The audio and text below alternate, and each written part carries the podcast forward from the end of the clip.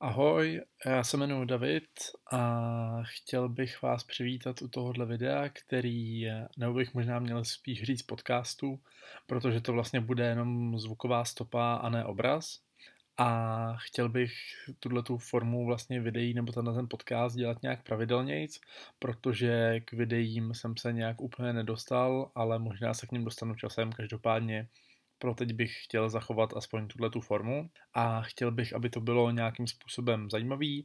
Chtěl bych tady probírat nějaké věci, které se třeba dějou, nějaké aktuálnosti, a nebo zajímavosti, v případě různý konkrétní témata. A pro dnešek tak jsem si říkal, že bychom mohli probrat očkování a že bych vám mohl říct něco o očkování, protože si myslím, že to je docela aktuální téma, který je dobrý uh, si o něm něco říct, protože o něm panuje spousta uh, nepravd a mýtů, tak aby jsme si uvedli věc na pravou míru, tak bychom si o něm mohli něco povědět. A jestli asi můžeme rovnou začít, tak bych začal tím, jak vzniklo očkování. A to je vlastně příběh z roku 1796, ale to asi není úplně důležitý, stačí si zapamatovat, že to bylo koncem 18. století, kdy vlastně je datovaný první pokus o, o očkování, nebo vlastně bere se to jako první očkování vůbec. A to provedl jeden britský lékař, který se jmenoval Edward Jenner. A udělal to vlastně tak, že vysledoval, že protože uh, byly vlastně pravý neštovice a byly kravský neštovice. A on vysledoval na základě nějakého svého pozorování, že vlastně lidi, kteří se nakazí kravskýma neštovicema, tak uh, už se nenakazí těma pravýma neštovicema, a pravý neštovice byl velký problém v té době. A když se podíváte na Google, tak eh, na pravý neštovice umřelo asi 200 milionů lidí, což není úplně zanedbatelné množství.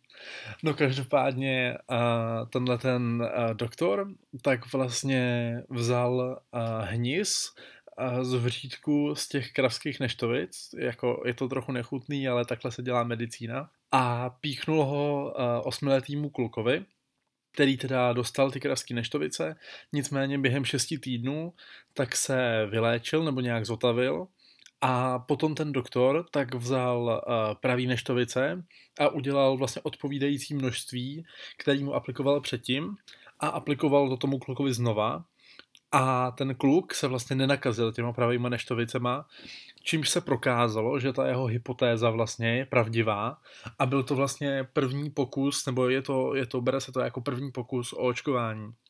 A e, s tím taky souvisí vlastně, proč se e, očkování říká vakcinace, nebo proč existuje vlastně slovo vakcína, nebo jak vzniklo slovo vakcína, tak to pochází od latinského slova vaka, což vlastně znamená kráva.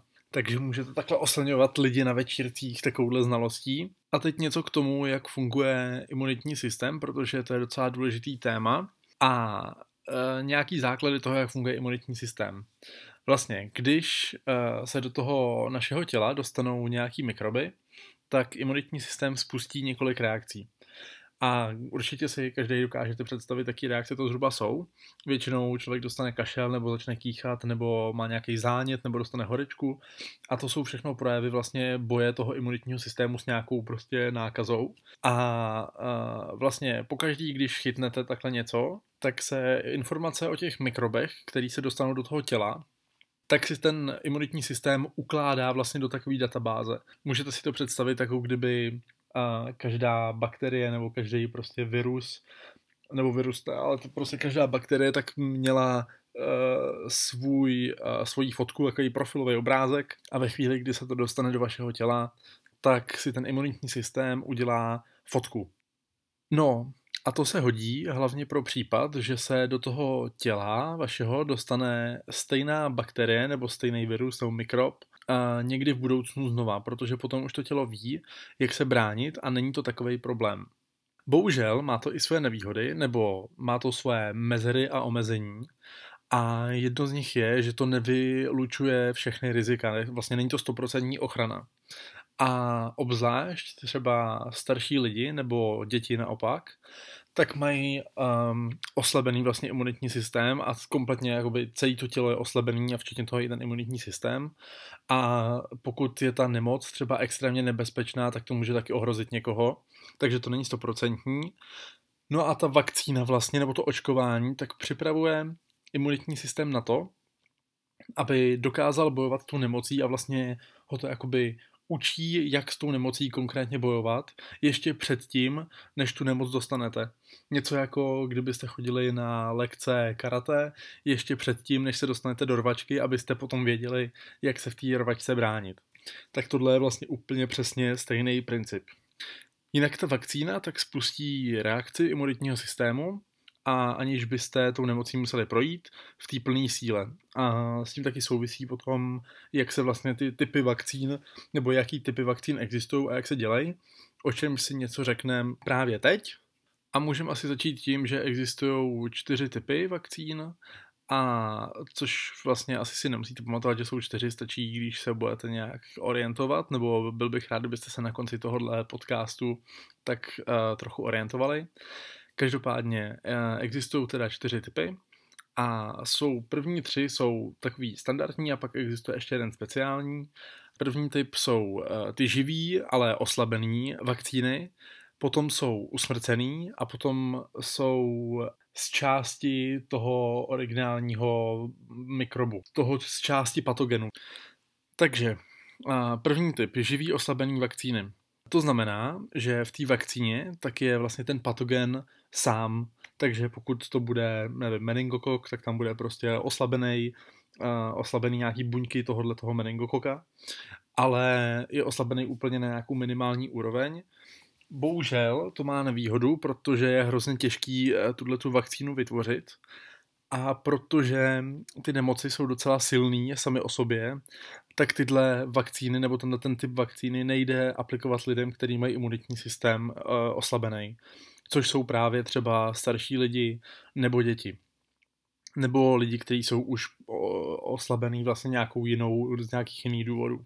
Druhý typ, tak jsou usmrcené vakcíny. Ty logicky asi dokážete vyvodit, že to tvoří patogen, který je mrtvej. Bohužel tenhle ten typ se zdá jako dobrá věc, ale má to nevýhodu v tom, že to nevytváří dlouhodobou imunitu. A předposlední typ, nebo poslední z těch hlavních tří, a ten se vlastně vytváří jenom z části toho patogenu, takže je to něco jako kdyby vám Vánoce neskazil uh, celý Grinch, ale jenom noha Grinche. Takže to je takový přirovnání. A, a potom poslední typ, tak je vlastně DNA vakcína, nebo to jsou DNA vakcíny. A to se ještě úplně neaplikuje, ale snaží se na to vědci přijít, jak to, jak to udělat a jak to vlastně používat, protože ten nejideálnější vlastně uh, scénář nebo nejideálnější typ a to spočívá v tom, že se hledají uh, nějaký specifický geny, který má zabudovaný imunitní systém člověka, který už tu nemoc třeba dostal a ví vlastně úplně přesně, jak se bránit. Takže tomu pacientovi, nebo když byste na to očkování šli, tak by se tomu člověku nepodával vůbec prostě ani část toho patogenu, ani usmrcený patogen, nic takového. Jenom by se mu vlastně aplikovali ty, ten návod vlastně v podobě toho, eh, těch genů, který už má ten člověk, který tu nemoc prodělal. Což je vlastně hrozně efektivní, protože ten imunitní systém se naučí bránit hrozně rychle a spouští to mnohem silnější reakci toho imunitního systému a připravuje ho to vlastně do budoucna na všechny hrozby, což je super a je to vlastně obrovská výhoda. Jinak uh, má to taky výhodu v tom, že to nemůže uplížit samozřejmě pacientovi, který je oslabený, jak už jsme se o tom bavili, u těch, uh, u toho, u těch vakcín toho prvního typu. Součástí tématu očkování je ale taky debata o tom, jestli očkování způsobuje autismus, což někteří z vás možná slyšeli, někteří z vás možná ne. Každopádně existuje vlastně, existují lidi, kteří eh, nenechávají svoje, nebo nechtějí nechat svoje děti očkovat, protože mají strach z toho, že by, vač, eh, že by očkování mohlo způsobit autismus. A k tomu bych vám chtěl něco říct ještě, protože uh, tato fáma vlastně tak vznikla někdy kolem uh, přelomu milénia, takže kolem roku 2000, Každopádně vzniklo to v roce, pravděpodobně v roce 1998, kdy si vlastně jeden britský lékař, a který se jmenoval Andrew Wakefield, ale hádám, že to si nemusíte úplně, nebo že to si nebudete úplně pamatovat. Každopádně on vyslovil hypotézu, která říkala, že vakcína nebo vakcíny určitého typu tak způsobují autismus, což uh, měl jakoby dokázat malou studií, která zmiňovala uh, jednu konkrétní vakcínu, která se jmenovala MMR, nebo MMR. No a tahle ta vlastně vakcína MMR, tak on to prokazoval na studii, která byla prostě malinkatá, šlo asi jenom o 12 dětí, ale hrozně se toho chytly média a tisk. No a to mělo za následek, že se rodiče začali bát e, těch nemocí autistického spektra, respektive toho se bojí asi každý rodič, ale tohle to vlastně ještě podpořilo.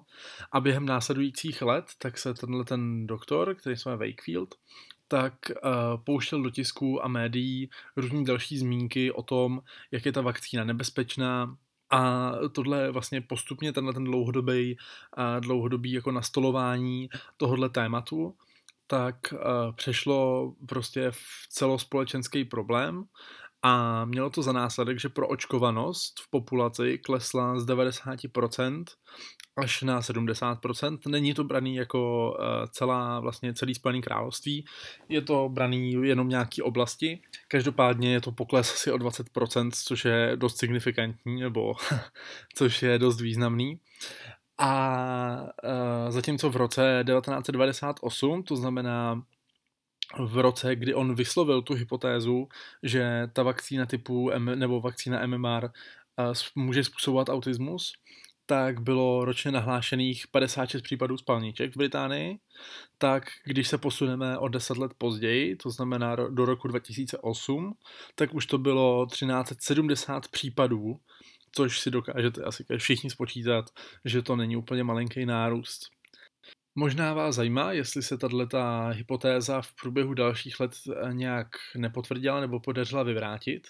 A podařila se vyvrátit vlastně v průběhu dalších let, tak se provedlo spousta studií dalších, které zkoumaly vztah mezi očkováním tou vakcínou MMR a autismem a je dobrý asi říct, že všechny seriózní studie, které se řídily nějakýma etickýma zásadama, tak vyvrátily, že to může mít jakoukoliv souvislost, což jde taky najít třeba na internetu. A každopádně, pokud byste nevěřili ani tomuhle, tak byla provedena o něco později ještě metastudie, což je vlastně vícero jiných studií dohromady. Výhoda toho je, že to má obrovskou vypovídající hodnotu, a byla provedena na celkovém počtu cca 15 milionů dětí, což si můžete představit, že to je docela velký číslo. Nicméně tato metastudie tak vyloučila úplně totálně jakýkoliv vztah mezi očkováním a nemocema autistického spektra a stejně tak vyloučila souvislost mezi očkováním a astma, potom mezi očkováním a cukrovkou, očkováním a leukémí a očkováním a koronovou nemocí. Myslím, že by bylo ale dobrý zmínit, že tam byly i nějaké aspekty, které se potvrdily, že to, to očkování může způsobovat. Každopádně to ale byly nějaké jako maličkosti a pokud vás to zajímá, tak si to můžete dohledat, protože já už si to nepamatuju přesně.